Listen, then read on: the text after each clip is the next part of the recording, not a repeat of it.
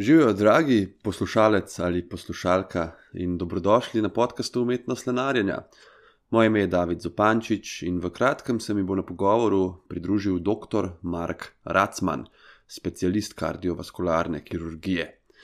Če bi lahko nekje videl posnetek, video posnetek najnega pogovora, če bi naj lahko videl med pogovorom, bi najbrž opazil, kako sem sedel praktično na prstih, če lahko tako rečem, na robu stola navdušen in povsem prevzet od Markovih zgodb o transplantacijah srca in o letenju po Evropi v sklopu transplantacijske dejavnosti.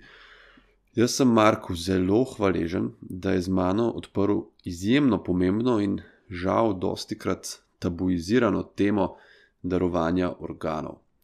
In to temo je odprl na najbolj možen, razumljiv in empatičen način, ki bo zagotovo, verjamem, marsikomu od vas odgovoril na nekaj pomembnih vprašanj, zelo pomembnih vprašanj in razjasnil to izjemno pomembno življenjsko vprašanje donorstva, ki ga žal puščamo v ozadju.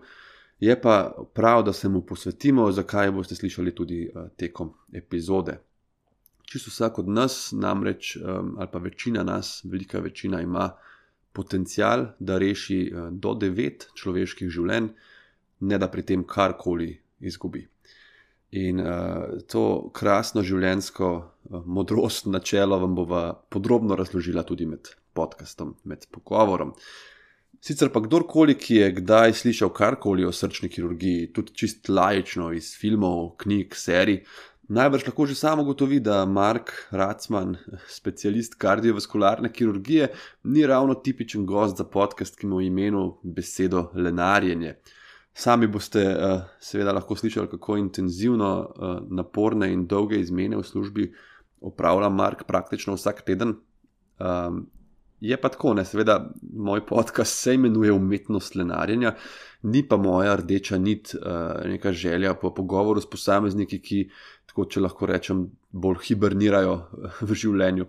V bistvu želim in iščem sogovornike, ki so zanimivi, ki odpirajo nove poglede in perspektive, in konec koncev tako mene, kot tudi vas, poslušalce, naučijo nekaj novega o svetu ali o življenju.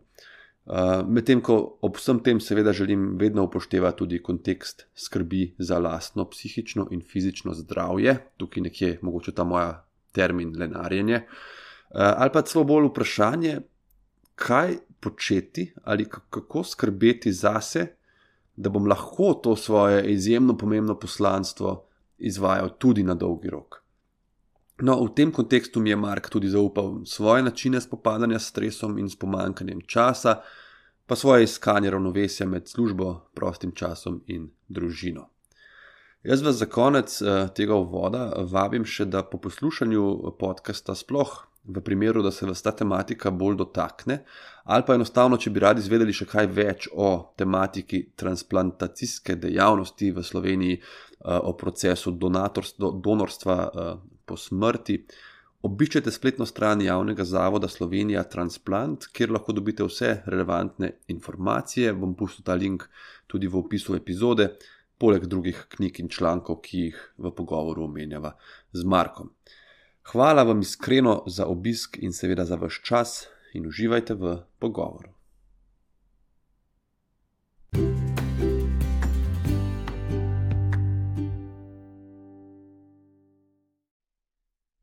Živijo, Mark. Živijo, David. Dobrodošel in hvala ti. Ja, ni problema, z veseljem. A, kako si, si se kaj spočil? Uh, ja, malo. Malo sem se spočil. Ja, sprašujem, zato ker na zadnje smo se videli okoli pol polnoči, danes v prvem stropju kliničnega centra, tam v intenzivi. Um, in zdaj tukaj snemava, tako da oba sta spila že kavo. Ja, že ne vem, katero danes. Ne, v redu je bilo. Jaz sem pol, pol enih prišel domov in uh, zjutraj ob sedmih bil nazaj v službi pa da je blizu živiš vsaj. Ja, vsaj to, no, blizu bliz živim 10 minut peš, kar je kar. Eh, Zato mislim, da ste veliko pripravljenosti, najbrž še kar fajn, če tako blizu živiš, da mm -hmm. treba kakšnih hotelov pa najemati. Ja, ja. No, ko smo v tem, vse mogoče bi te za začetek prosil, no, ker tudi mene ful zanima. Malo to tvojo uh, zgodbo ali kako bi rekel pot do naziva specialist kardiovaskularne mm. kirurgije, pa malo kaj to prenese za sabo. zdaj smo že za- za- načela to, Aha. da moraš blizu živeti. Ja. Um, ja, jaz sem uh, pač uh, Mark Racman, sem specialist kardiovaskularne kirurgije. Sem prišel na faks z idejo, da bi bil urgentni zdravnik ali pa anesteziolog. Da se mi je to zdelo fully zanimivo in se mi je zdelo delo na terenu, mi je bilo fully všeč. Um, pol pa pred klinikami ni glih najbolj ležala. Jaz nisem tak uh, zelo študiozen tip za neko težko teorijo in sem imel tam kar težave, tudi kakšen letnik ponavljal, kakšen ga pa vzel. Pa sem pa prišel na kliniko v četrti letnik, so se pa zadeve malo bolj izkristalizirale, ja, tako rekel, so, so dobile svoj zalet. Um, smo imeli predavanja iz kirurgije, je bil tukaj takratni predstojnik kardiokirurgije, profesor Geršak, ki je rekel, da če koga zanima, lahko pride operacijsko gledati Četrti letnik že. Ne? četrtem letniku. Ja. In jaz sem pol um, šel v, v operacijsko, sem se tako z njim zmenil, če lahko, da lahko pridem, in je bil skoraj tako drug dan. Uh, sem šel tja in še danes vem, kaj je bila operacija in kdo, cela ekipa, kdo je bil in vse. In sem se čisto zapomnil, in sem se jaz prvič kirurško umil in mislim, da sem se takrat kar okužil s kirurgijo. Ok, zdaj mogoče sam ta stavek malo razloži za one, ki niso medicinci, ki mi je ful zanimiv. Da si se prvič kirurško umil in potem Ja. kužilski.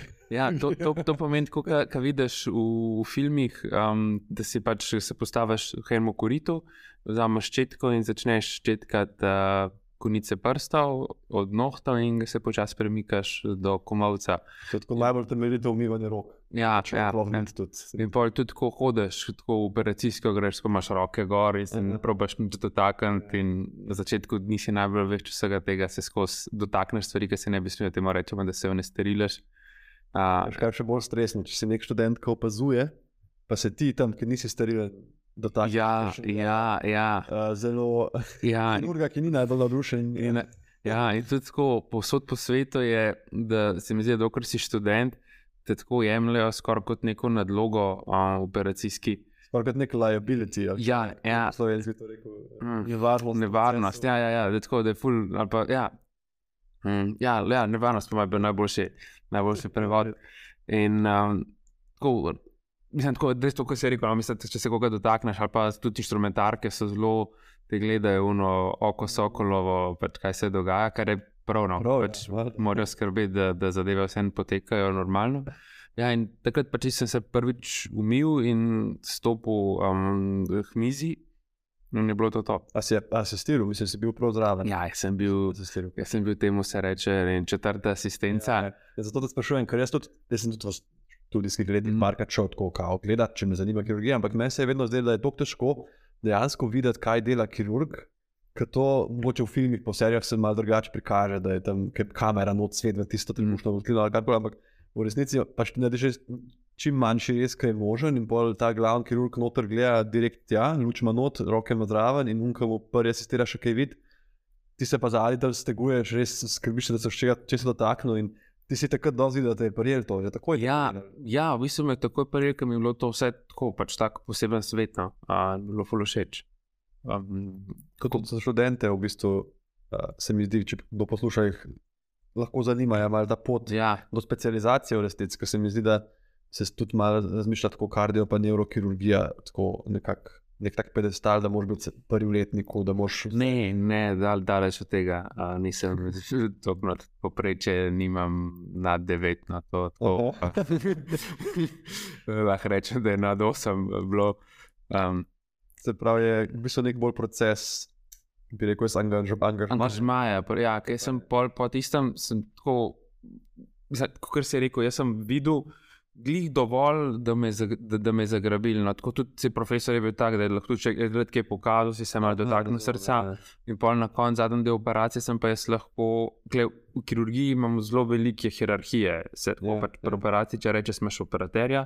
Pol je prvi asistent, drugi asistent in dokaj kar gre. In jaz sem bil takrat četrti asistent, kar pomeni zelo tak um, zadnji, ampak za, zave kufuaj. ja, skoraj, ja, ja, um, kaj. Ja, Ne, ne, sej je tako, veš, ne, da držal si en šiv neki, Ja, in, ne, ampak me je kar zagrabil. In pol na koncu, ko se je pa zaprl um, pacijent, so pa, um, sem pa jaz lahko bil prvi asistent. Mislim, kot tismo, ki je zapiral, no, in je bilo meni to noro. kako sem- Ja, on je šivo, jaz sem pa sam škaricami, lahko je strigo, pa s kljukcami vlekel. Kljukce so taki inštrumenti, um, kot kaveljčki, neki, da, da omakneš, da vidiš, kot si rekel, ja, da ja. ja. narediš mehan res, pa da lahko vidiš, kaj je še noter v, v tej luknji. je To, ko si asistent, pa ti reče, lahko da mi tle malo pokaži, in ti, če dobro pokažeš, te fulano. Ja, ja, ja, to je tako. Pol je mene ta kirurgija tako fulz zagrabila in sem se rekla na naši katedri za kirurgijo zmenil, um, da sem hodil volontirati v malo operacijsko. To je nekako prvi postanek. Ja, to je taka za začetna um, postaja in tam sem se naučil šivati. To je ful pomembna postaja. Ja. Jaz sem isto takrat, ko smo šli v Zambijo, sem rekel, točno to je. Takrat sem že rekel, ne bom kirurg, ampak rad bi znal recimo šiv nastaviti, no, dol potegniti to. To je ta mala operacijska, mogoče kdo, ki je že bil tam za take posege. Ne. Ja, to, to je tako. In tudi večina ljudi, ki, ki, tudi kasneje, ki sem bil specializant, jaz tu mali operacijski, pa so prihajali študenti, kdorkoli je pokazal kakšen interes, so bili vsi zmeri toplo sprejeti. Tako da ja, tudi jaz Ne. Apeliram, no, če koga to zanima, naj gre pač v malo, kot rečemo. Ja, ja. In bo tam se začel učiti svojih prvih korakov. Ja, se meni zdi to tako dobra um, kombinacija, ker tam recimo nek nadzorni specializant, uh, specialist ali pa specializant proti koncu specializacije že nima toliko. Sploh tudi želje, ne, teh šivov nastavljati mm -hmm. na Mhm. spočne rane, uh, študentom pa to ful pomeni in pa v bistvu en drugemu pomagaš na nek način. Ja, ja, to pa tudi na začetku je sam že prav si rokavice um, obleči. Ja. Je že to, si se nekdo mogel s tabo ukvarjati, pa te to naučiti. Ja. Da obleče sterilne rokavice tako, da ostanejo sterilne. To, Ja. to pomeni, da mora kleki to razlagati. Ali, Ja, tako, mogoče kot čist zanimivost je, ne, eh, ker to ljudje mogoče ne pomislijo, da ti v bistvu odpreš paket in not je sterilna stvar. Ja. In zdaj si moraš dati to na roke. Tako da še zmeraj ostane sterilna. To pomeni, da ni nobenih bakterij, nobenih virusov, nobenih gljiv. Praktično, če, se- če se ti z enim prstom dotakneš površine, ki je zunaj, potem je to Je to nesterilno. vrš stran. Ja, klej lahko tudi povem, no, ta študija, ki se zmeri reči, ali pa pravilo treh ali petih sekund, če kaj pade na tla, da je čisto. To so šli enkrat gledati in so ugotovili, da ni. A jaz sem prav. ja, ja, čim, ja, pač čim, se stvar, čim se ti dotakneš, kar si rekel, je to to, je Ja, konc. Slaba novica za vse piškote na tleh. Ne, ne, to pa, to pa vsi jemo, no, vem, jaz, Ja. kar se tega tiče. Mislim, kar poješ, pa uh, roka, ki jo daš v prsni košnik, pa je drugače. Ja, ja, ja. To To, mora biti malo bolj čisto. A veš, tole umivanje kirurško, to se mi pa zdaj dal čisto, sem se spomnil naše zambije odprave, ker smo šli tudi asistirati v operacijsko in tam so ti pa polivali vodo, čez, če ni bilo vode. In jaz sem skozi sam razmišljal, a je lahko ta voda, ki stoji tam že nekaj časa, ne vem koliko, kao ne zelo dolg.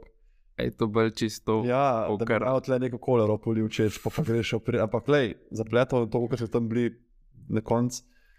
Na koncu vidiš tako, no, da naš, naše relativno udobno življenje ima prednosti. In slabosti. Ja, pa, mogoče niti ne slabosti, ampak nekako te razvati na način, Mhm. da se ti zdi, da drugo, drugače ne gre.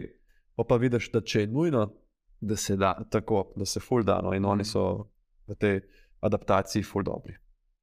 Ja, se pravi, pol če skočim, um, si diplomiral, do diplome si že veliko, v bistvu prostovoljno delo. Ja, jaz sem prišel še na, um, zaradi, mislim, sem šel v dr. Gregoriču v Houston in sem tam bil dva meseca, prav sam na kirurgiji, še v tisti bolnici, ki je prej delal v Texas Heart Institute.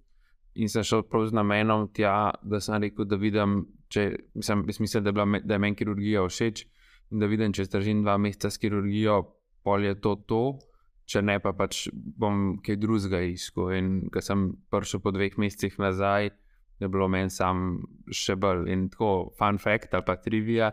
Um, Tisti, ki je bil prvi asistent pri tej operaciji, ta prvi, ki sem jaz bil umit, je bil takrat pol leta um, pri dr. Gregoriču v sklopu svoje specializacije.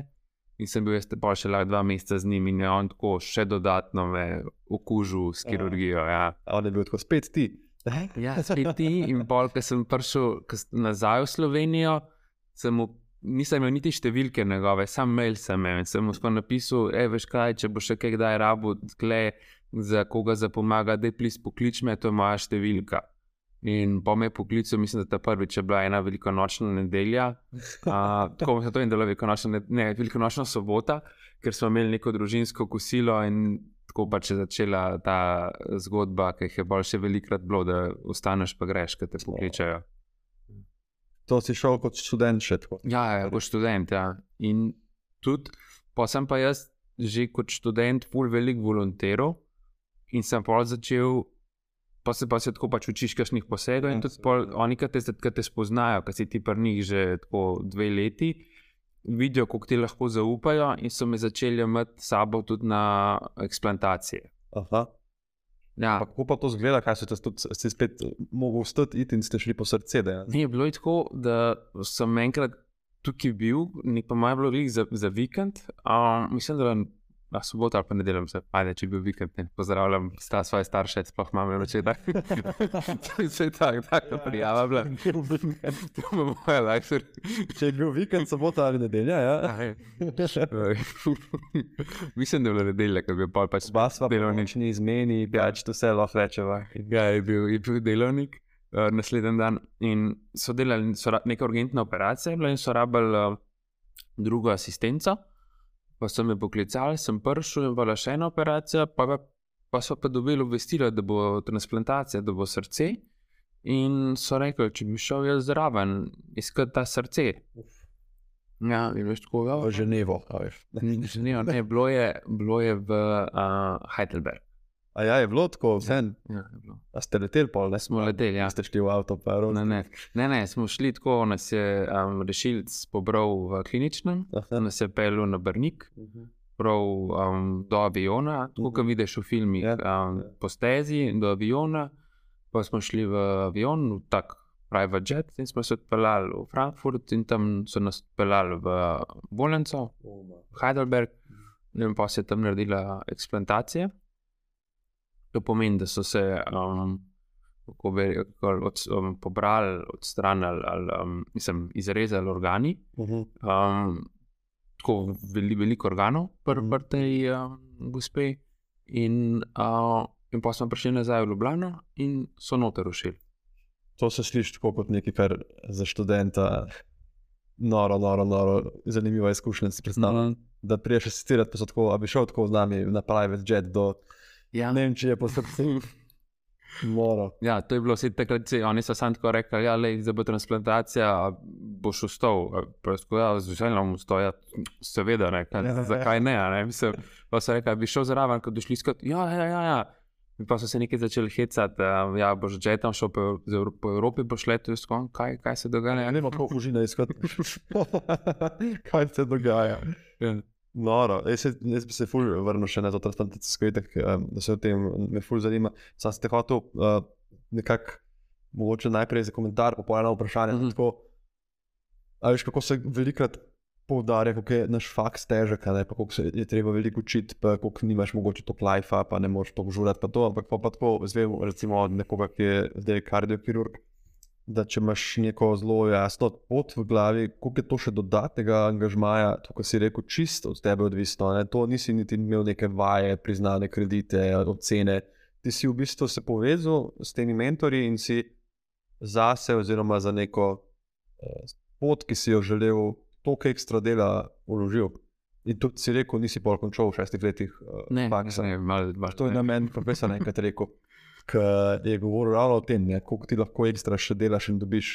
Kot zdravnik je rekel, ko boste vi zdravnik, vas ne bo noben vprašal, koliko časa ste študirali, ker v resnici nima nobene veze na, na koncu uh, ta podatek. Tako da to mi je tako zanimivo. Um, tako da iz tega bi te pol vprašal, koliko si imel pa kaj pol prostega časa. Um, mislim, ja, je bilo vse en ne? prosti čas. No. Sem tako zelo velikokrat se je zgodil, da jih, ki si kam hotel jeti, ali pa ne vem, sem, sem šel kolesariti, pa so me poklicali, pa sem se sam obrnil, ali pa sem se sam preoblekel, pa šel operacijsko. Ali, To je noro. Ja, že Ja. tega, tega sveta pa jaz ne poznam, recimo kot infektolog, mi smo recimo internisti, ne kirurgi. mm. In imam, recimo, ful dežurstv in se mi zdi, kdaj, da sem blazno obremenjen, ampak ko grem jaz domov, mi nimamo pripravljenosti Mhm. mm. in ko grem, ni šans, da me kdo kliče in tudi, ne vem, če zboli dežurni, se to na Viber tudi napiše, kdo bi zdaj lahko prišel in tako se vse nekako zmeni. Nikoli ni tako klic, hej, nujno prid takoj in da recimo sem se jaz zmenil, ne vem, da grem na večerjo z ženo, pa da polno. Super hero stil, sorry, pa sem tako biper na, na, na pasu začne, Ja. začne turiti in se obrneš. Tako da, kako se pa navadiš na to? Ja, po mojem se ti lažje navadiš, kot tvoje okrog tebe. Aha. Oni morajo, ti si se pa moje za to odločil, um, oni morajo pa to sprejeti. V bistvu, ja, ti, ti moraš narediti, tudi to je prva stvar, ne, da narediš odločitev, da bo to tvoje življenje. Kot najbrž, če si tako jaz bi full rad bil kardiokirurg, ampak jaz bi imel tudi full frame, pa uh, ne bi imel skozi telefona. Pa, pa, mislim, Vse imaš več strok v medicini, lahko že odkriješ. Ja, ja tako je, to je vse nek tak ročna spretnost, nek skill, ki ga moraš dobiti. Tako, In se na začetku začneš z nekimi osnovnimi stvarmi, pa pa to dograjuješ. In ti moraš tokrat pa tokrat videti, ponoviti, da, da rataš um, kompetent za neko stvar. Razumem. Je tako, da se zmeri, da rečeš. Federer ali pa Djokovic, lahko zdaj rečemo, da še igra.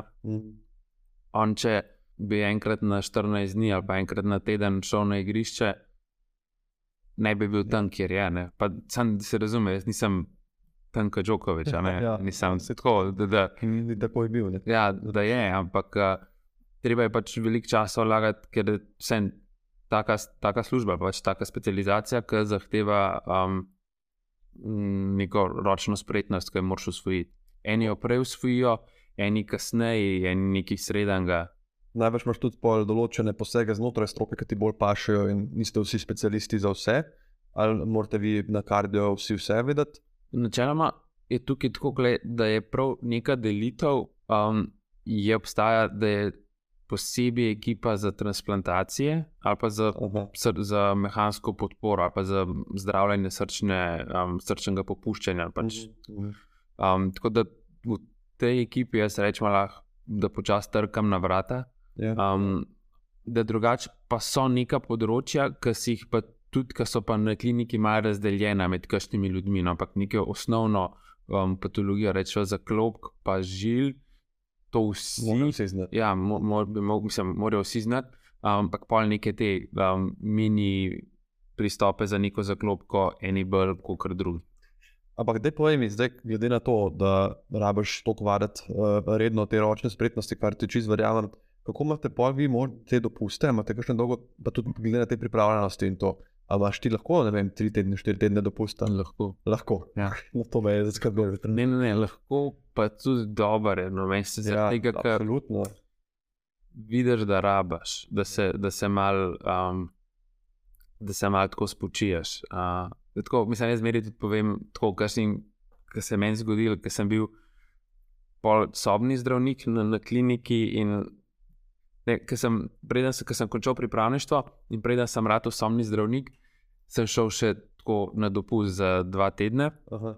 In ker se je to končalo, je meni tako čuden ratval, nekaj res tako, da bi rekel, malo tesno, nekaj sem se čuden počutil. Aha. In pa sem poklical glih tega zdravnika, ki je bil v Houstonu, ki sem bil z njim. Ja, to ja, ja.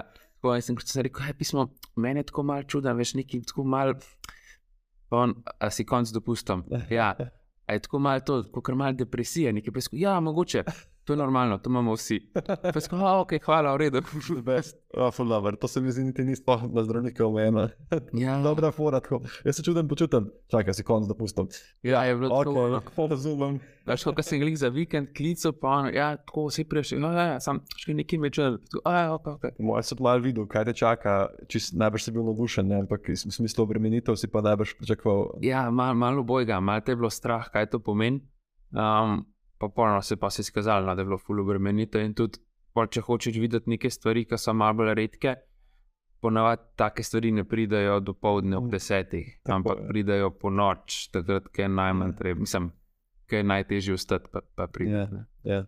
In se pravi, ti si končal uh, faks, potem je šest mesecev pripravništva in potem si bil še koliko časa sobni zdravnik? Potem pa sobni zdravnik 9 mesecev. Devet mesecev. A, In potem si začel specializacijo. Ja, pa vmes tako tudi mes od to sobni zdravnik sem bil, pa se pa pol nismo uspeli pogodbe podaljšati, pa sem volonteril, pa sem pol spet rad osobni zdravnik, pa pol spet pa sem dobil specializacijo, pa sem spet volonteril, tako malo je bilo um, on and off, pač, takrat je bil glih ZUIF in je ta ZUIF ja, mal, ja, se ni dal, da bi kar sam rekel, ok, ti boš danes, če ne, nekoga, če želimo, um, mislim, da se zmenijo um, vodilni, da bo nekdo osobni zdravnik, je to tako bolj eno leto, pa se pa podaljša še za eno leto. da se bolj vidi, um, je to za specializacijo. Tako, ne, to je bilo nekako, kar bi rekel, um, preizkusno obdobje. Ampak to je dolgo preizkusno obdobje. Kaj si rekel, da lahko za leto, dve leti tudi um, ima kaj ta obdobje. Ja, Pa se Ja. potem lahko premisli, recimo, in on, in on, ne, ja, ali pa ja. dejansko si predstavljam, da kdaj tudi kdo reče, to ni za Ja, tudi to, se, tudi to se je že zgodilo, ja, da se je kdo premislil, kar je v bistvu ful dobr. Ker in tega, ker vidiš, da češ leto je ful dobr, uh, ful dobre stvari delate, pa lepa služba je, sam jaz sem gotovo, da jaz tega ne bi delal. Velika se mi zdi, da je razlika med tem načinom dela in načinom življenja. Uh -huh. Da moraš tudi ugotoviti, da to, kar si rekel, da se ti odločiš, to bo moj life in nekako bolj spraviš na svojo stran svoje svojce in tako, ampak ti se moraš odločiti, da to ne delaš. ja. Zakaj me malo tako spominja, da govoriš nekakšno selekcijo za specialne enote? A ne. Se mi zdi ne. tako. Ja, da je tako, da veš, leto, dve, da se testirajo malo, vse je itak tudi, koliko si, ne vem, v redu oseba, pa to, ampak tudi koliko si dela, koliko, si zmogljiv, koliko lahko ti, kot si rekel, lej, tretji, tretji zapored po noč nek uh, redka stvar, te res zanima, da prid, kaj jaz bi po mojem rekel, lej, vse me zanima, sam, ura je tri, stari, da je. Gremo ga ob desetih, operirati zjutraj, Ja. najbrž ne te. Ja, ne, ne moreš, ne moreš, a veš, kasneje več, kot se reče, ne nujna stanja, so to pa to pa to in to je treba narediti. Seveda, ja, absolutno. Se tudi pri presaditvah, Mhm. um, se lahko mogoče malo vrnemo, koliko srce lahko 4 ure zdrži. Ja, štiri, Pa štiri, najbrž manj je boljš. 4 do 6, 6 je tako nek ekstrem, um, načeloma tega no, nočemo, uh, se zelo, zelo izogibamo. No? Tako da mislim, da če smo zdaj prišli tako daleč. Sem, Mhm. smo prišli, se, ja, da se je zgodilo, to moraš reči, da je bilo. Tako vel- nekako 4 do 6 ur, no, 6 po Ja, ja. literaturi, noben si ne želi biti tam. To, No. to pomeni, tako, to si zelo sorry, ki sem Ja, prekinil. ne, ne, ti kar- Um, Zdaj, da si tako mal a vem, predstavljaš, ka- kaj to pomeni. To je, m, ti prideš v neko bolnico, lahko rečemo na sever Nemčije, eh, se zberejo vse ostale ekipe, ki pa imajo to multiorganski oduzem. In ko smo vsi pripravljeni, ti rečeš kot kardiokirurg, takrat načeloma ti vodiš poseg, Aha, rečeš, če so vsi redi. Okay, to je že operacijski. to je že operacijski, to, to je pač operacija kot operacija. Različni specialisti in tam je pač Ja. človek, ki je ponovadi možgansko mrtev. Ki ja, ki je možgansko mrtev, um, tako, mislim, ki je vedno možgansko No, vedno, ampak ja. možgansko In ni- ni živ. fiziologija je pomembna. Ja. Ja, se pravi, pri tem človeku se uh, določi že čas smrti, vse, a ne Ja. Člo, človeka praktično ni, ampak ga z aparati ohranjajo. ohranjajo ja. obtok. Ja, Ki ta obtok preko možganov, če bi naredil scintigrafijo možganov, praktično ni, ni Tako. obtoka, če se pravi, človek je mrtev. Je mrtev in tudi čas smrti, vsaj po naši zakonodaji v Sloveniji, Ja. je takrat, ko so oni ugotovili možgansko smrt. Tako. Takrat, ko se je naredila preiskava in so oni ugotovili, da ne ob 1036 je bil izvid napisan, da, Takrat je zabeležen. to je to, to je čas smrti. No, ja, se, to, je, to je kar važna terminologija, ker mi lahko z zunaj telesnimi obtoki, respiratorji zapihuješ, lahko ti mrtvega človeka. Dolg časa ja. se, ga, se da vzdrževati uh, Kar se sliši vidno, ampak zdaj, iz tega vidika, če greva na transplantacijsko dejavnost, je pa to velik, velik Pa to zmaga. Ja, je pa to Življenje, veliko levo, desno. Ja, No, in kar nadaljuje, zdaj se pravi, ti si to unaj operacijski, ti si kot kardiokirurg. Vprašaš, če so tam, ne vem, so lahko nefrologi, urologi, ja, jemljejo naprimer, ja, abdominalna ekipa, pa torakalci. Um, prsne organe, se pravi, pljuča pa srce, pride zmeri lastna ekipa iskat. Zaradi tega države, misliš? um, tista ekipa, ki ga, bo- en del ekipe, ki bo tudi poskrbel, ki bo zraven pri implantaciji. Aha, se pravi, če, ti, če boš ti to srce v Sloveniji implantiral, Ko pride ne slovenski nic ekip. pripeljal, Ja, ne bo. šel. Ga gre slovenska ekipa iskat. Okay. In tudi za pljuča velja to, da gre lastna ekipa, zato ker se moramo zmeniti, kje točno bomo, ker si moramo razdeliti en del srca. Um, No, pa tudi no. vsaka bolnica um, ima nek svoj način, kako um, bi rekel, konzerviramo, kako ustavimo srce in kako konzerviramo. Mislim, kako da ka- ga pripravimo, da bo čim boljš preživel to pot, ta čas, ki ne bo delal, in da bo bolj, čim boljš delal, ki ga bomo ušili. In takrat, ko ti, ko jaz pred, stisnem ta glavno žilo, ki gre ven iz srca, takrat vklopimo štoparco. In v tem času moramo mi um, ustaviti srce, ga zrezati, zapakirati, pripraviti za transport, mi se moramo preobleči, pa moramo priti um, z rešilcem do um, letališča, iz tega le, iz letališča do letališča pri nas, z rešilcem v KC, se tukaj preobleči, tukaj pa istočasno, ko mi pridemo v operacijsko, je ta prejemnik že pripravljen, da, ga, um, da, da bomo mi, da, bo dobil novo srce. In takrat, ko pridemo mi v operacijsko, šele takrat lahko oni izrežejo um, to staro srce ven, ker lahko bi imeli mi nesrečo ali pa bi se kaj takega zgodilo. ne. Seveda, ja, ja. Bi bilo pač kar uno. Nazaj, veš. Dem- Ja, to so malo tako bogi srčki, da ne zalaupa, ne bi zalaupali nazaj. Ja, ja. In potem se ušije to novo srce in se spusti ta klema, rečemo temu inštrumentu, ki ima pritisnjeno je dolgo gor. In takrat ustavimo štoparco.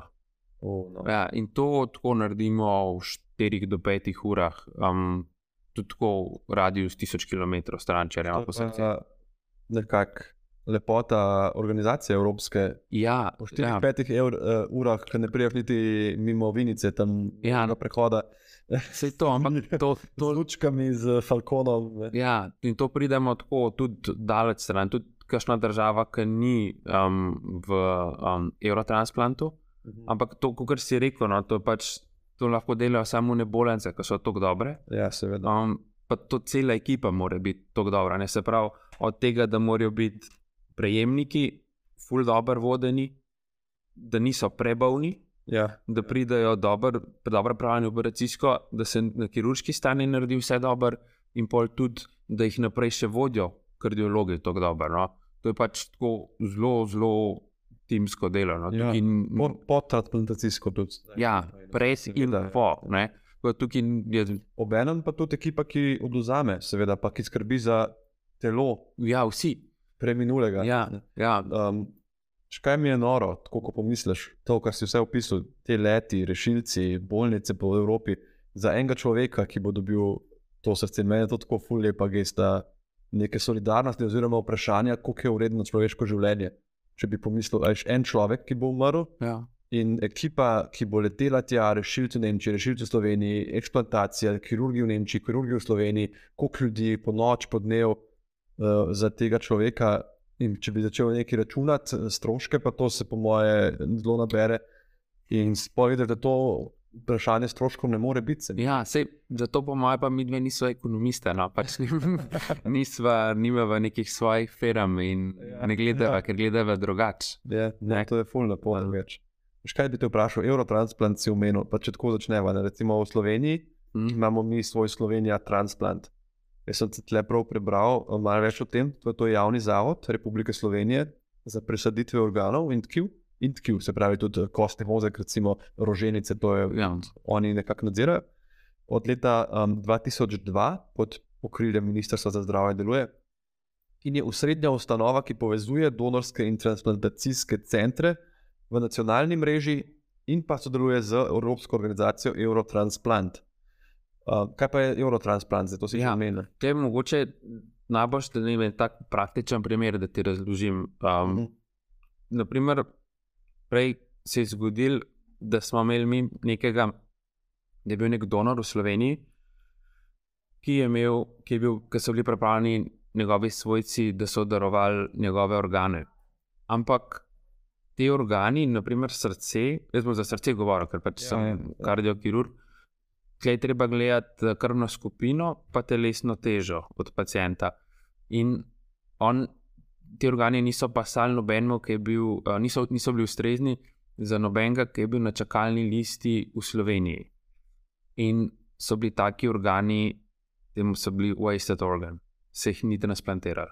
Ja. In to je v bistvu ogromna škoda. Seveda, Mi nismo bili edina država, ki je imela take težave, si predstavljam. zato So so. pri drugih organih so pa še tudi neki te protitelesni. Ker so pa še bolj, ker če bo ja, kakšna ne vem, ledvica, ki mora biti pa full v nulo natančna. Ne, ker Zato če, zavrniti, ja, ne. k dojenčki, če bi dojenčkom presadil srce, njim do prvega leta sploh ni treba gledati na to na abenič, Res? kar no, ja, skladnost.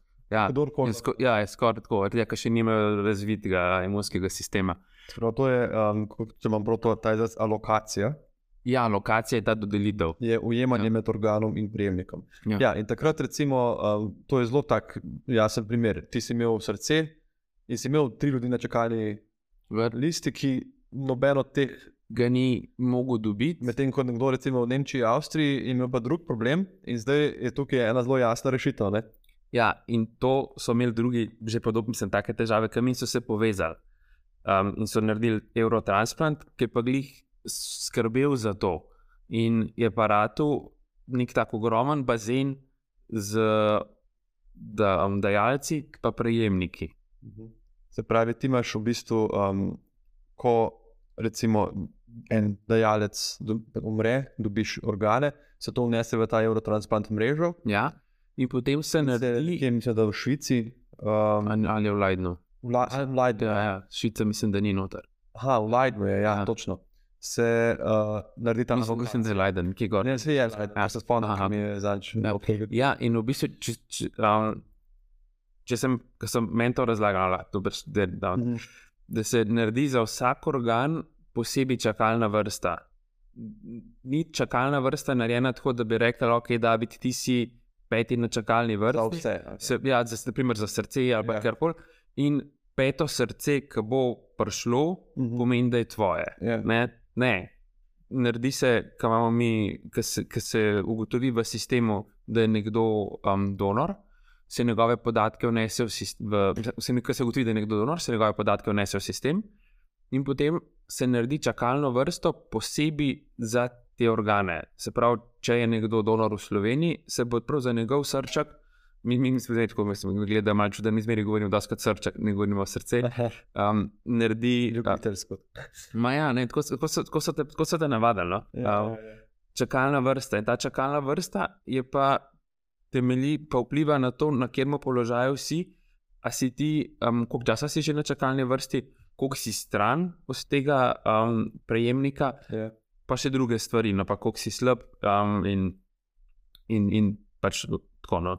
Um, pol se pa kliče, zmeri prvega, pa drugega iz seznama. Kličete prvega, pa rečejo, za vas imamo, um, imamo srce za vašega pacijenta. Ja. A, a ga boste sprejeli, istočasno pa kličejo še ta drugega, pa rečejo, vi ste pa secondary offer, za vas je pa tudi, imamo srce, v primeru, da ga Da bodo bo šlo. da ga bo primarni center zavrnil, boste ga boste vi dobili. Na ta način, ko, Ja. če primarni zavrne, rade sekundarni, primarni, pol naslednji, Ja. pol tako Aha. skačejo po seznamu. No? To je zelo veliko sklejevanja, ker veliko se lahko zgodi, seveda, on primarni je lahko recimo že v tako slabem, slabem stanju, da rečejo kirurgi, mi ne moremo njemu transplantacije narediti. To je en primer. Ja, to, ali pa da se, um, predvsem, doskrat se zgodi, da je problem, ker je to tako kratek čas, da se ne moreš uskladiti, da ne moreš aviona dobiti. Um, to se sploh Če je daleč bolj, ne največ. če je daleč, ali pa da ne vem, enkrat se je zgodilo, da, je bilo, um, da so bili prazniki in so vsi ljudje, um, tisti, ki imajo denar, a ne, Na, Ja. na svojih private jetih. da so private jeti. So Ali si še politik s Falconom. Ne, ne, ne, ne, tam so- bili pravi, takrat še ni bilo, nismo še s Falconom hodili. Tam imate prav. A Ja, dejansko ta firma, ki vam private jete ponuja. Ja, nek tak broker je, ki ga pokličejo in Ja, ja, ja, ja. ja, celo Evropo pokličejo in tako, a imate frej, imate frej, imate frej. Um, a se da tudi zgodi, da piloti ne morejo, oni rečejo, imamo avion frej, saj nimamo pilotov, zaradi tega, ker so, že danes, ker so zdaj že tok pa tok ur naleteli in morajo po- počivati. Ja, Oni temu rečejo ne duty restriction Aha. in ne morejo priti. Um, Se pravi, več stvari se lahko zaplete, Ja, in- in- ima pa timing. In, Ja, pol pa, in zaradi tega se, se bolj ne da. Um, se, je pač tako, zakaj ni možno, da boš kar zihar sprejel ponudbo. No? Ker, kar sem hotel povedati, ki je Ciprija Slovenija pa Eurotransplant skupaj, Ja. um, je, da se naredi za vsak organ posebej čakalna vrsta. Ta Aha. čakalna vrsta je od, um, polož, položaj prejemnika na čakalni vrsti je odvisen od tega, uh, koliko je stran od organa, koliko je bolan, pa še od drugih faktorjev. Um, in potem se tako gleda, če naš organ gre v Nemčijo, so Nemci nam dolžni en, or- en primer srce. In to, Razumem, ja. in to pomeni, ker če gledamo v zgodbo, prej, kar smo rekli, v primeru, Ja. ja. mi smo imeli tle, um, nekoga, ki je bil pripravljen darovati, Ja. tega srčka mi nismo mogli transplantirati, je šel pač v noč. Ja. V tem, tem primeru, ko smo zdaj povezani v Eurotransplantu, gre ta srček največkrat v Nemčijo, ker je Nemčija največja država Ja. v Eurotransplantu. Ja. in za Nemce pa avtomatično ratajo nam enega dolžni. Prav, je neka varovalka, da ne bi nekdo samo dajal. Ja, državi. moreš, ne more, je, glih tako, je nujno ta vzajemnost. In tudi ni, ni tukaj, tega se ne da finančno kompenzirati. Ni cenika, da bi se rekel, Seveda. srček je tok, ledvička je tok, ne gre. Ne? Se In- to je. Ja, in potem naslednjič, ker je Nemčija tako velika država, ker jih je tako ogromno milijonov, ima tudi tako velik um, eksplantacij vsako noč, je zelo velika verjetnost, da bo eden od donorjev ustrezal za našega prejemnika in zaradi tega lahko pol mi dobimo. V bistvu Noben ni na slabšem, samo Ne, so na vsi so na boljšem. Ja. In tle, kar je pa ful pomemben, je, ni transplantacij brez darovanja. Brez tega se ne da. No, to- Točno to. Lih ta prva eksplantacija, no, ko sem bil zraven. Aha. Ja, mislim, da je bilo to zelo tako um, čustveno. Ta prvi srček, ki sem šel zraven, je bilo tako, um, je bila dajalka, ena punca, ki je bila tako stara kot jaz. In ona je čakala um, na jedra. Za, ona je bila v osnovi kandidatka za prejemnico za jedra. Ja, in ker je imela pa tako odpoved jeter, se je pa tudi so, so, so se, pa, se pa porušila um, koagulacija v njenem telesu in je zakrvavela v glavo. In potem so se njeni starši odločili, ker so bili pa drugi organi še zmeri v redu, da pa se strinjajo s tem, da bo pa. Mm, Dala srce. ja, mislim, in ostale organe, no, sem tiste, ki so bili. Okay. Mislim, lepo, pretresljivo in tako um, se mi zdi močno sporočilo tega, da v bistvu, ko je konec, ko človek umre, da ni to tako neka najlepša stvar, ki jo lahko še narediš. Až en darovalec lahko reši devet življenj, sem si jaz napisal iz te Ja, podatka, Eurotransplant. Vsak od nas, ki se lahko opredeli, vsak od nas se lahko opredeli, vsak starejši od 15 let, ki je pravilno sposoben, se lahko opredeli za ali proti. Vsak od nas lahko reši devet življenj, tako kot ta punca in tudi ta njen srce, ne vem, najbrž še zdaj. Ja, veš, nekje bije, tako mislim. Lepa zgodba, drugače zelo žalostna, kot je veliko stvari v medicini, se mi zdi kombinacija lepe in, in žalostne. Um, kar se tiče Slovenije, lani, po podatku je Slovenija Transplant, so umrli darovalci podarili 172 organov. Tega je bilo 29 src presajenih. In um, en velik, veliko in varno sporočilo, ki si ga zdaj na zelo lep, um, čustven način tudi odprl, ki sem ga jaz hotel danes z najnim pogovorom dati, je, da se lahko vsak od nas opredeli. In s tem v bistvu nič ne pridobiš, kot si rekel, ne more biti finančna kompenzacija tudi po Mhm. zakonu. Ne, kdaj kdo vpraša, ali bo pol klinika krila pogreb, recimo. Ne, po zakonu ne, ne sme biti. ne smeš ti ponuditi Ja. nekomu, da napiše organe, pa boš dobil ne vem, boljšo sobo. In ena pomembna informacija, ki sem jo jaz dobil, pa nisem vedel, mi je direktor uh, Slovenija Transplant povedal, je, da ko se recimo opredeliš ti ali pa jaz, je ta podatek uh, unešen v njihov sistem in se zaklene. In ga lahko pogleda samo nekdo z kartico, uh, pooblaščen, ki se pač beleži, kdo je to pogledal, in samo potem, ko je tvoja čas smrti zabeležen. Ja, in tudi mislim, da takih kartic s takim pooblastilom je v Sloveniji tako ranga 5 ali No, nekaj tasga. To, To se mi zdi važno. Ja, Zelo, zato ker, zato ker kdo vpraša, lej, se, če jaz zdaj izpolnim ta formular, se opredelim, a bojo me manj aktivno zdravili, recimo obojenci. ne. Ali pa če se ne opredelim, a me bojo grdo gledali, a me bojo sodelavci pol Ja, vedeli. ne, ne, ne. Nemogoče, do tvoje smrti je ta informacija zaklenjena. Uh, opredeliti se je pa dosti preprosto in jaz bi rad to zdaj kar povedal vsem, Mhm. ki poslušajo, by the way, nobenega pritiska, opredeliš se lahko tudi proti. Ti lahko greš na to enoto ali pa na splet in tudi klikneš, rad bi se opredelil ne. In seveda, tvoja odločitev. Ja, meni se zdi to ful pomembno, no, zaradi tega, ker tako kot zdravnika oba veva, da verjetno mi dva se vse smrtjo srečujeva več kot drugi ljudje. Seveda. In tudi o tem več razmišljava. Um, več razmišljava, kako bo, ga bo mi dva umrla, ali pa kaj bi bilo, če bi bilo vse take stvari. Ker, um, pogovarjati se, kaj narediti v takih trenutkih, če se to prelaga na nek primeren trenutek, tega primernega trenutka nikoli ne bo. Da ni. Ja. Ja. In to gre sam, predvsem zato, da treba se zavedati, da vsi mi imamo možnost, da darujemo. Ja.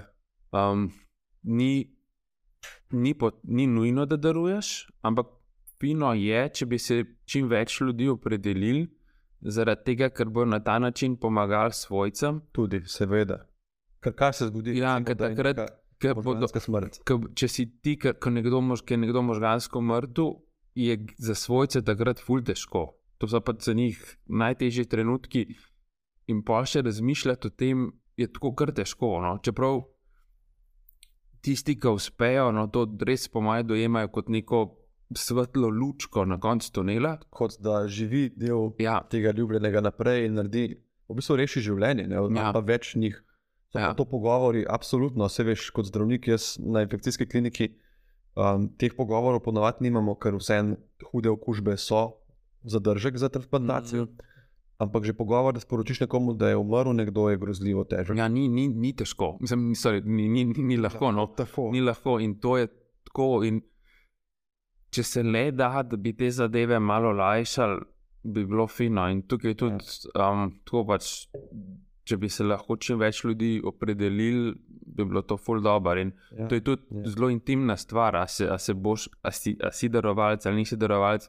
To je čist od vsega. Ampak jaz bi tukaj predvsem rekel, če, bi, če kdo, če je v dvomu, ali bi daroval ali ne bi daroval, ne razmišlja tako. Če bi zbolel, ali bi se on odločil, da bi, da, da bi, da bi, če bi pustil, da bi njemu transplantirali srce. Ali pa kakšen drug ja. organ, pa karkoli. Če ja, pol mislim, da moraš biti tudi darovalec. Jaz sem si tle celo napisal eno dejstvo, ki so ga izračunali, da ima vsak od nas približno trikrat večjo verjetnost, da bo organ potreboval, kot da bo postal darovalec, Ja. kadarkoli v življenju. Ja. Um, in ena stvar je tudi, ki je zelo um, fajn, da sem dobil tle en kup zelo zanimive statistike od uh, Slovenije Transplant je, da več kot 85 odstotkov ljudi v Sloveniji načelno po anketah podpira darovanje, ampak v registru je opredeljenih okoli 1%. Seveda, tudi če pride do te možganske smrti, da človek umre, ampak ima recimo zelo dobro delujoče še organe, se naredi pogovor s svojci, ampak so rekli, da so tako težke. Ja, vedno, vedno se ga to Ti naredi. lahko rečeš, ja.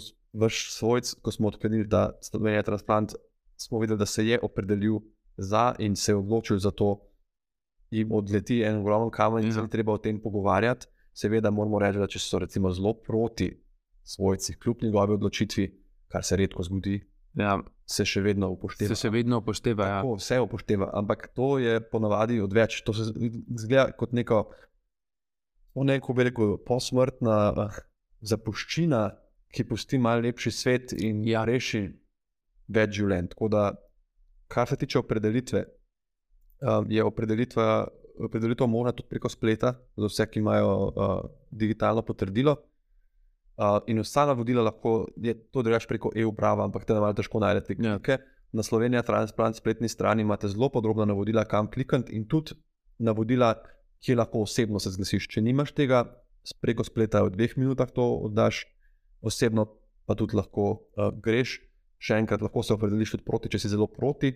Uh, je pa res, da recimo tudi večja verstva sveta podpirajo in spodbujajo darovanje. Um, tukaj res nekaj zadržkov ni, mogoče tudi to, kar sva rekla.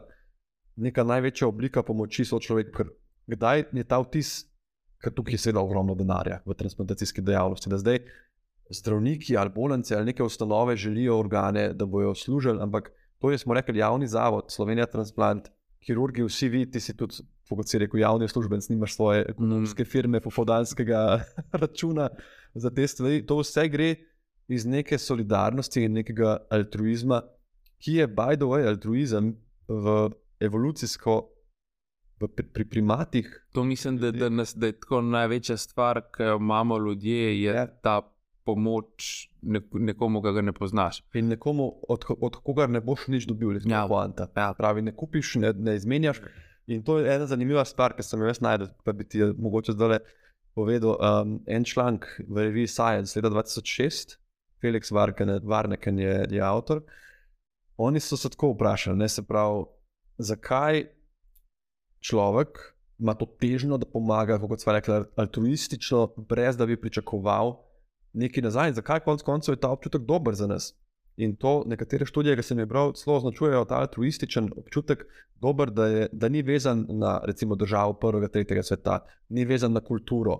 Ni, ker so eh, raziskovali Indija proti Ameriki. Proti... Ne, to je v nas. Ja, ampak oni so nekako rekli, evolucijsko bi to lahko raz, razložili tako, kot zakaj je recimo hrana pa seks vsem po svetu všeč. Ker je bilo za razvoj človeštva nujno. Ja, jaz se s tem čist strinjam. No, tudi, to mislim, da je bil dan podjet, da je eno tako misel pripovedal, ja, ja. da je rekel, da pač največje, največje um, bogatstvo, ki ga imamo ljudje, je pomoč popolnemu neznancu. In, In to, ja. to, to je tisto. Ja. Ker zakaj pa se dobro počutiš, ker ti bo tudi do drugega mogoče te pomagal, če boš ja. rabo. No, to se mi zdi, da se jaz fulstrinjam s tabo no, in s to študijo. Ja, in ta to... študija, pazi, je pa gledala pol so pa rekli, okay, da je to res samo človeško, oziroma mogoče so tudi primati zraven. Oni so gledali potem 18-mesečne otroke, pa tri šimpance. In so rekli, da je moramo pogledati otroke, recimo ta toddler, ne malček, mm -hmm. kar res veš, da večinoma uma moja igrača. In so povedali na en zelo zanimiv način, se pravi, nek neznanec, ki ni bil oče, mama od tega otroka in ga tudi ni pohvalil, potem se pravi, ni bilo nekaj, da dobi nazaj iz tega, je recimo segal proti nečem, ki mu je na tla padlo in potem je bistveno izražajo in ne morem do tega. In, in dejansko otroci, vsi ti toddleri z latenco, ne vem, 5 sekund, zelo hitro so mu šli pomagati. In celo te šimpanzi, sicer pri njih so ugotovili, da ko pride do hrane, ni tega vzgiba, to je ponovadi, ker so zelo kompetitivni v naravi ja. za hrano, to seveda razumeš, opice. Ampak recimo take stvari, da ti nekaj pade in ne moreš doseči, tudi oni so prišli pomagati. Ja, in to brez se pravi nagrade, potrepljanja po glavi, karkoli. Samo ko je vzel tisto, je šel stran in to se je ponavljalo. Tako da je fuz zanimiva študija, se mi zdi. Kar, ja, to, to pa se po mojem evolucijsko se ta lastnost izkazala za tako uspešno, da je prevladala, da smo jo prenesli s sabo. No? Ja, sej, zakaj smo se razvili po svetu? Sej, mislim, če gledamo vsak od naju posameznik proti že proti enemu krokodilu ali pa ne vem, nilskemu konju, nima šans. Ja, to je, ki si rekel krokodil, no, ta, sej, to je meni tako zelo zanimiva storija. Um, Kristjan Barnard, se poznaš. No? Ja, ja. Čist medklic. Ja, um, še prej, ki si rekel Barnard, nisem pa ja. težiti. Um, geslo na mamo telefonu, datum prve transplantacije. ja, veš, kaj, pol, kaj gremo, da greš po srce. Na ta štoparca, ki sem govoril, yeah. Ja. ne, pač na iPhonu, ne, yeah. Ja. vsi ostali, tisti, ki greš nekdo zraven, ki ne zre več, da yeah. Ja. moramo to narediti. Imam moj telefon in pol tam štoparca pržge, pa telefonira, pač yeah. se javlja v Ljubljano. In tukaj gor pač Zato vsi sem do tako gesla, da ga vsi vejo. Ja, pa, če te en študent spremlja, pa ti reče, kakšno je geslo, pa ti rečeš, datum prve transplantacije. In pa če on ne ve, ja, ne. Oh, ja, doktor Racman se razburi. ne, to, to se ne, ampak tisti, ki grejo zraven, to so vse um, taki študenti, ki so kar preverjeni, ja, so ja. bliže tok časa, klepar nas prej in tudi zato ga ne, ne vzameš kar sam na to, da more, ja, pač, seveda, ga morajo šef ekipe odgovoriti. Predavalec, kdo gre leteti v. Ja, ja, ja, ja ne, ja. ni tako. Seveda, da se ne bomo dobro razumeli. To se leče, se jasno, no, povej. Ja, glede Barnard. Ja, Kristjan Barnard je bil um, kirurg, ki je prvi presadil srce in to je naredil 3. decembra 67 v Grote Šur, to je bilo v Južni um, Afriki. Um, je naredil takrat dokaj kontroverzno stvar, ki je um, Belcu presadil srce od ene mlade črnke, ki sem jih videl, avto povozil. Ja. Ta je bil, mislim, da je bil vaškanski, tako je dubu, ne bila pa ne vem, bila darbala, neki ta, neki, neki, ti sem pozabil na ime. V tej in je celo za 18 dni preživel. No, ta je rekel, okužbo je dobil. Ja, okužbo je to kljub temu, da niso poznali še imunosupresije, je bilo to da je to full uspeh. Dni, ja. Ja. Prvo srce presadiš v, na svetu in da 18 ja. preživi. Ker bi rekel, 18 ur bi bilo že ja. intensivno. In pol, ki so vprašali, kako, kaj ste povedali, ne? kako ste prišli do ljudi, da ste jim to predlagali, da, sem, da so se strinjali. Pa rekel ja, lejte. Če, jaz, če jaz zdaj vam rečem, da boste stekali čez to reko, polno krokodilov, boste rekli, ja, ne, ne, ne bom. Ampak če te pa Podi, če te pa lovi kar delo levo, pa je to edina možnost, da boš zbenšal.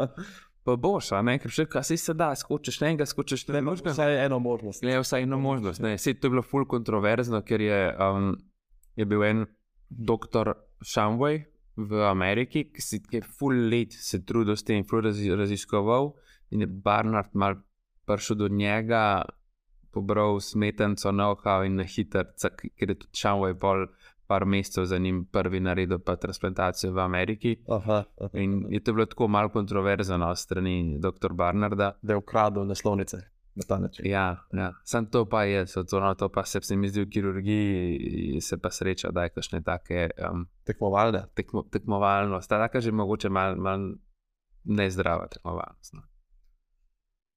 Ena stvar, um, ki se mi zdi zanimiva, je tako, zdaj, že iz tega pogovora, že prej sem odaptil, ampak tako, da ste zelo, pa se recimo, tudi jaz, infektologija, uno je velik del mene, ampak da ste tako v tej vaši stroki. Da, tako, da, da je tak del tebe, ne, da, da, da za veliko noč, kot študent, že vstaneš, rečeš, sorry, letiš tja, držiš vojo kljuko, se počutiš privilegiran. Tle ni tega vprašanja, tudi ki je velikrat v medijih, da bi šel privat, kje bo moja mala ambulantica za izdaje računov. Tako se mi zdi, da stroka in znanost, da te tako, tako uh, dobro te poslušati, ker govoriš na tak način. Se mi zdi, A, da to, a veš, dobiš tako občutek, da delaš to res srcem, če lahko rečem. Ja.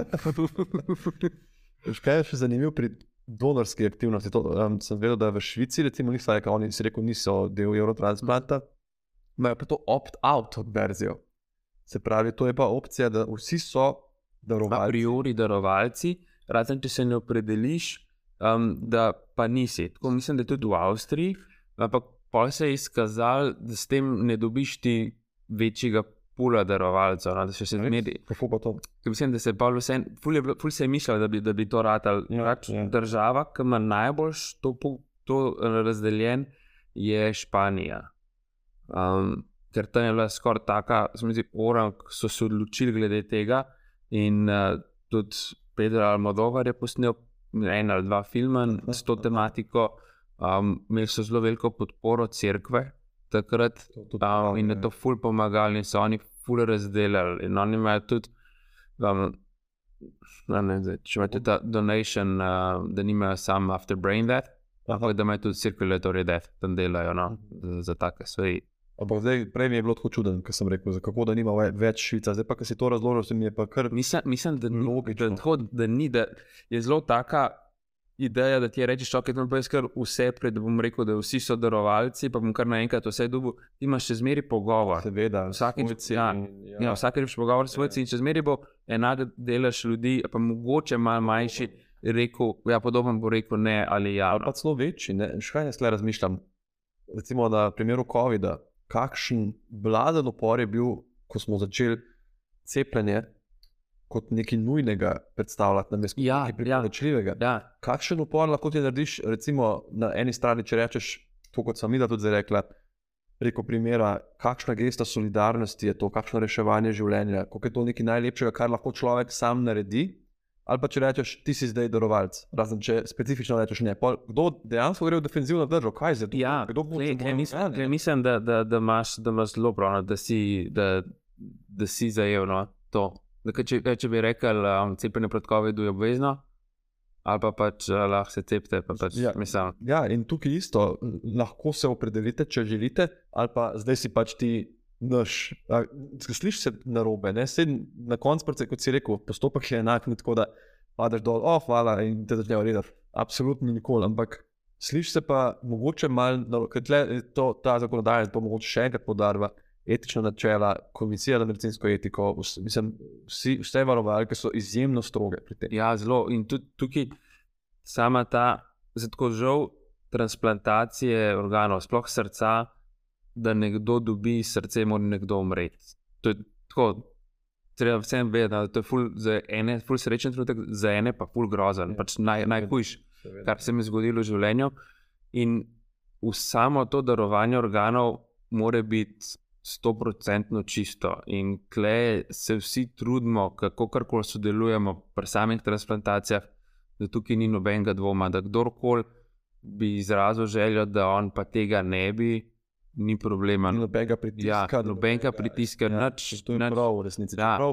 Pomisliš, ja, res mi bo šlo, recimo, stran zdaj, ampak to je edino Ampak ne, prav, ker- to, to je pač je vse, to je tvoje telo, tudi po tistem, ki si umrl, je to tvoje telo. Točno to. Še zmeraj je treba upoštevati tvoje želje. No. Absolutno. No, in tako, no, tukaj res ni, ni, mislim, ni nič denarja no. No, ampak zdaj, kot ena dobra uh, misel o tem, je pa, da se Slovenija bojda že več let uvršča v svetovni vrh po številu presajenih src na milijon prebivalcev. Ja, ja, to pa je. Noro. To je pa ful, ja, zaradi tega, no, ker imamo zelo dober sistem, uh, tako da imamo dovolj darovalcev. Pa tudi, kar se tiče same transplantacijske um, organizacije, transplantacijske medicine v Sloveniji, kaj v Ljubljani, je to ful dobro. No, je to pač tako, ekipe delajo, to je tudi plot ne dela enega leta, ampak zadnjih 15-20 let. Ja, Um, pa tudi to- v bistvu imaš dežurne ekipe, ki niso samo kirurgi, ker si predstavljam seveda to usklajevanje. Kdo, recimo, kje si ti zdaj na avionu, pa kdaj je treba tega prepraviti, pa dati v operacijsko, Ja. pa kdo more pri to ne moreš ti tam. Ne, ne, ne. Ko ven srce režeš, še malo klicati Ne, ne, ne, ne. To, to, pač, to so posebej ljudje, ki delajo samo to, so koordinatorji. koordinatorji. Ja, pol imaš prav tudi ljudi, ki je treba narediti tipizacijo tkiva, um, sam pr, pri donorjih in to pridejo posebej v službo na center za tipizacijo tkiv, naredijo tako. Pač to je horda ljudi, no, kot si rekel, koliko ljudi Ja. je v pogonu za enega, za dva, za tri ljudi, da se jih reče. To je pač, mislim, lepo drugače, res. ja, mislim, se to pač fora družbe. Ne, da, Medicine, Ja. ja. se mi zdi tudi. To je poanta in tukaj ni uh, delovnika v resnici zdaj. ne, Od 8 do 4, oh, bomo videli, kaj bo jutri. Ja. je- Wow, ampak pol ta občutek najbrž, ker pa tisto srce, ki si ga usadil, začne biti. Uh, Ja, je pa kul. Cool, no. Cool, sem ja. sedel, vse pa tudi, tudi če si zraven, no, je pač ful, ful, lepo videti, ko začne delati. Še ganili me boste, doktor Rocman. Kaj je zdaj to? Je mogo je prijeti, da je pogledati. No. ja, drugače, zdaj sem res dobil še eno prvič v življenju, da, da bi to videl. Ej, veš, kaj me zanima? Zdaj pa tako, ne. kot človek, ne samo kot kirurg. Kako si ti s temi obremenitvami, pa zdaj niti ne govorim več samo o teh vseh urah, ampak tudi tako, a to, kar si rekel. Konec koncev, velikrat najbrž vzameš srce enemu mlademu človeku, ki je umrl zaradi nesreče, zaradi česar koli. Potem vsa, usaditve in tudi ne, ne gre vedno dobro, nočna dela si utrujen. Kaj je tvoj nekak proces, um, da se mal odpreš ventil, ali kako bi Ja. ja. rekel? Mislim, ful je dobro, da smo na sami kliniki zelo povezana ekipa Absolutno. in se lahko tudi pogovarjamo tako podobno stari med sabo. Pa tudi s svojimi starejšimi mentorji, no, da, da lahko da imamo podporo v tem, tako psihološki, kot pač čist normalen, si, ali pa kdaj, če gre kaj, da pač lahko pokličeš na pomoč. Um, drugače pa jaz, full red tečem. Um, to sem opazil, no, da to je um, moja joga. Aha. Ja, in te tečete najlažje. Včasih, še prej, ko sem bil študent, sem malo tenis igral, ampak to je bilo zelo, to je kar projekt, no, da se zmenim z nekom, Ja. Že midva sva se- usklajevala za ta pogovor, Ja, tako pol časa, časa, pa smo praktično, zdaj ne praktično, v isti hiši delava. Da se Ja, vsak dan. Pa se vidi skoraj vsak dan, pa ni bilo to tako, ok, jutr ne, pa pa pojutrišnjem. Ja, ja, ja. Če bi se pa zdaj midva probala še zmeniti, da bo šla eno soboto zjutraj ob desetih na tenis, Ja, je to tako, morava se s svojimi družinami uskladiti. Ja. Kako to in glih, ki bi imela čas, pa ti pa še dežval, če bi šla ven igrati. v, Nemčijo. Ja, ali pa, ali pa, pa kje, a veš, tako. In, tako da pa sem gotovo, da tek je tisto, kar zmeraj sem rad tekel in tek je to, kar mi tudi leži. In ne rabiš veliko na superge in se oblečeš primerno temperaturi, temperaturi, jaz tečem od minus 12. Uf, Pa- Minus 12. Ja, ja. Sploh ni v naši državi, ki si pa dolgo. No, tako je pozim, ko so pač kaj zelo greš. Ja, tako, a veš, zvečer, ko prijaš iz službe, pol greš teč. Ker jaz skoraj sem gremo v službo, ampak minus 5 je nekje moj mejnik, da rečem, zdaj Ja. me res preveč zebe. Ma ne, sej, začetku je sam zoper, prvi kilometr zebe, pa se pa se greš, pa greš. Ja. Povej mi, a ta kondicija, ki jo dobiš, ti to kaj pomaga pri delu, ali je ta kondicija stanja, ne vem, koliko ur traja transplantacija, to ti nisem vprašal. Ja, A ja to, to smo pa enkrat smo pa malo računali um, in smo ugotovili, um, tako sem zdaj lahko jaz sem zelo žal odvisen od Coca-Cola ali pa Behce, pač ful moja go-to pijača. Škoda bi lahko rekel za sponzorstvo podcast. No, več prej povej. Ja. Uh, pa je bilo to malo problema, več kako la, uh, da smo dati. Ja, nisem več tam, ni, več, ni nič profita. Ja. Da, Um, še. In od takrat, ko prideš v bolnico, pa da vso upremo prepravaš, pa da gremo v, v, v tujino, največkrat pač mislim, da gremo v tujino, pa pridemo nazaj, pa naredimo transplantacijo, pa cela operacija, ker to so pa nad ljudje, ki so večkrat operirani, taki bolj krvavijo, pol časa traja, samo ta zadnji del operacije, da ustavljamo te krvavitve, da lahko zapremo in da je čist konc in da spijemo Pepsi ali pa Coca-Cola na koncu, to je tako nekje 10 do 12 ur cel, cel proces, od takrat, ko prijemo bolnico in spet, da grem ven iz nje. Um, tako da te kondicijo, ki jo dobiš s tekom, ali pa tudi če hodiš polki v gim, to ful pomaga. No? Um, manj si bolan in lažje zdržiš, in tudi glava ti bolj dela. No? Mislim, zdaj, da je Ja, čist, pa najbrž tudi po takem, dobro, seveda, recimo se naspiš, pa to, ampak po takem maratonu 12-urnem uh, operacije in potovanja, se pa tudi največ preluftaš, če greš. Ja, Lauvat. Ja. Vse, vse. Tako da zdaj, mislim, sej, da se mi je malo v življenju spremenilo. Imam zdaj tri mesečnega sina. Um, Tako. od takrat nisem bil še v Džimu, odkar se je rodil, in tudi nisem še stopil na, na turne smočke, ali pa na navadne smočke, tako da sam tečem. Ja. Ja, in Od dnevne sobe do spalnice. ne, pa tudi ma, malo spem, je dva več, ja, tako. Mislim, se, ker ti si poročen, si pa tudi, se ne če sta poročena, ampak Ja, ja, sva, sta ta sva. poročena, je pa tudi zdravnica. Ne? Ja, je pa anes- anesteziologinja. Zdaj se mora izrezati, da bom lepo povedal. Ja, je, je pa anesteziologinja. Tako da na srečo se kar tako razume vse te stvari, kaj pomeni, če, če, če greš, če te pokličejo. Ampak na začetku je bilo pa težko, a, da, se, da se je navadila na ta način. Ja, absolutno. Sej, tudi jaz sem recimo zdravnik, pa dežuram, pa delam vikende, ampak mi je vse en to, recimo, bi se lahko zelo navaditi, če bi jaz tako na ta način delal kot otrok, pa sploh, jaz sem moja hčerka, je ta trenutek leto in pol. Lahko sicer rečem, da sem tudi imel občutek, ker je bila tri mesece stara, da ne bom nikoli več šel niti v Džin, niti nikamor, da, ampak to pol nekako mile in pol za vse spet najdeš čas, samo da je še lepši, se mi zdi, uh, vse te potovanja in to z enim malim, ki te tam cuka skozi. tako da Ja, to je- Komičar. No, ampak tle zdaj, evo, um, imam eno čast, ker jaz vedno, ko me kdo povabi na kakšen pogovor, me buzerira, če lahko tako rečem, no, z vprašanjem, kako najdem čas za vse, ne? recimo otrok, služba, knjiga, podcast. In zdaj končno lahko jaz uh, sem tisti, ki sprašuje to. Ob teh tvojih dežurstvih, letih, uh, recimo tek, otrok, žena, um, kako najdeš ti čas, kako razporejaš svojo energijo? Imaš kakšen poseben princip? Ali... Ja, mislim, tako žal časa ne moreš vzeti, iz, Ja. ker ga narediš. Resnici ga imamo vsi isto. Isto, da voljo. imaš 24 ur, Tako. treba je spati, treba je jesti. Um, žal je tako, no, da se s prijatelji se vidim manj, manjkrat, kot sem, kot sem se včasih, pa kot bi si želel.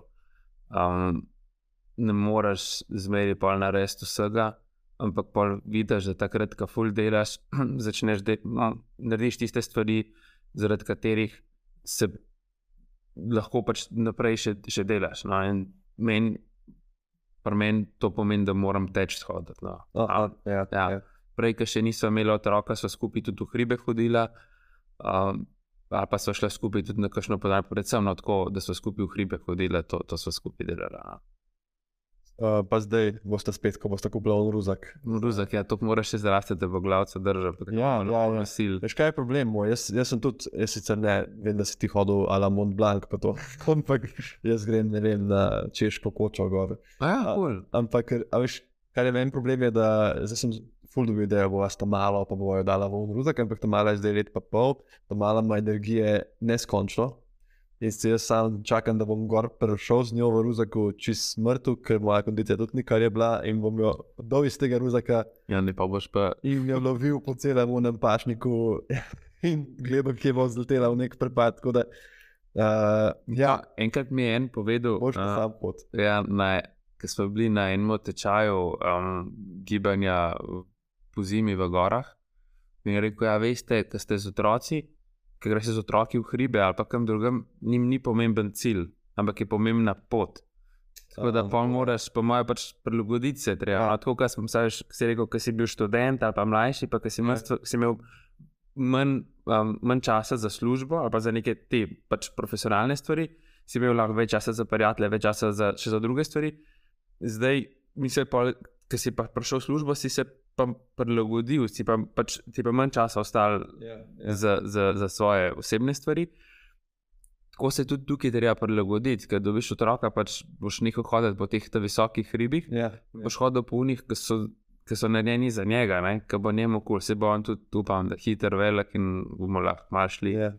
Veš, da to je tako, se mi zdi dva vrhova, sta najprej si tako zavedno bo dojenček, jaz ne morem več, alo že enkrat zraste. Zdaj pa je recimo moja v taki krasni obdobju, da sem kar tako, alo je tle zdaj deset let, da spomnim, da smo še malo spati, veš, no oči, oči, pa tam šiba. Ampak to je blazno pomembno videti, da je otroku pomembna pot, ne cilj in se mi zdi, da to bi se lahko vsak od nas tudi malo naučil, ker si kdaj tako gremo na vrh, tam je, ne vem, jota pa karkoli. Ampak na poti imaš šole razglede, in tudi če se konec koncev ustaviš, pa mal tam laufa on. Pa, Je to to, ne? Zakaj ne? Ja. Zakaj ne? In to sploh otrokom se mi zdi, da si ti narediš en jasen plan, to mi je najbolj stresno vedno bilo. Če sem si jaz rekel, danes bomo spali, zato ker jutri ne vem, se pelemo na morje. Ali pa bova se pelala na morje in je bova dala ob 12. v avto, ki ima ona ponovadi. In bo takoj zaspala, in boje ne zaspim, pa so kako je zdaj to, plan je bil drugačen. Pust se, Ja, da ja, gre življenje po svoje. Ja, jaz mislim, da je tri mesece star, pa se je že kolikokrat zgodilo, da smo se s kom zmenili, ja si dobimo jutr, takrat pa takrat Ja, ja. si klical, ali večer prej, ali pa jutri, hej, sorry, Ne gre. razpad, sis- imamo razpad Ja, ja, sistema in Pa, še vrtec pride. Pa. to je to, a ne. Ej, drugi uvid, ki mi je pa zelo važen, zdaj, ki si rekel, je pa to, da, moraš, da se moraš zavedati, da ne moreš vsega narediti. Ja. Um, in to si sicer rekel zdaj v kontekstu starševstva, ampak za zdravnika se mi zdi, da je to ena stvar, ki jo mora vsak od nas vedeti, pa od sebe pričakovati, da ne bo mogel vsega. In Ja. v resnici ti, recimo, bilo bil tudi vsak dan, cel dan v službi. Se je, bolnikov je dovolj, vedno je še nekdo, vedno. In da si znaš tudi sebe reči, zdaj imam pa jaz ta trenutek, grem in bom prišel nazaj, ampak ne morem narediti vsega. Sem slišal tudi, recimo, da v tujini imajo celo za srca tudi neke full drage komore, ki naredijo pa prav potok čez in lahko recimo ekipa reče po noči, zdaj ne moramo iti operirati, pred smo utrujeni in se pusti še pet ur, recimo srce do neke ure, ko so bolj spočiti. Se pravi, da iščeš tudi svoje meje. Ja, ja. Tre, treba se zavedati, no, da imamo vsi svoje meje um, in da je zelo nevarno, če prestopaš.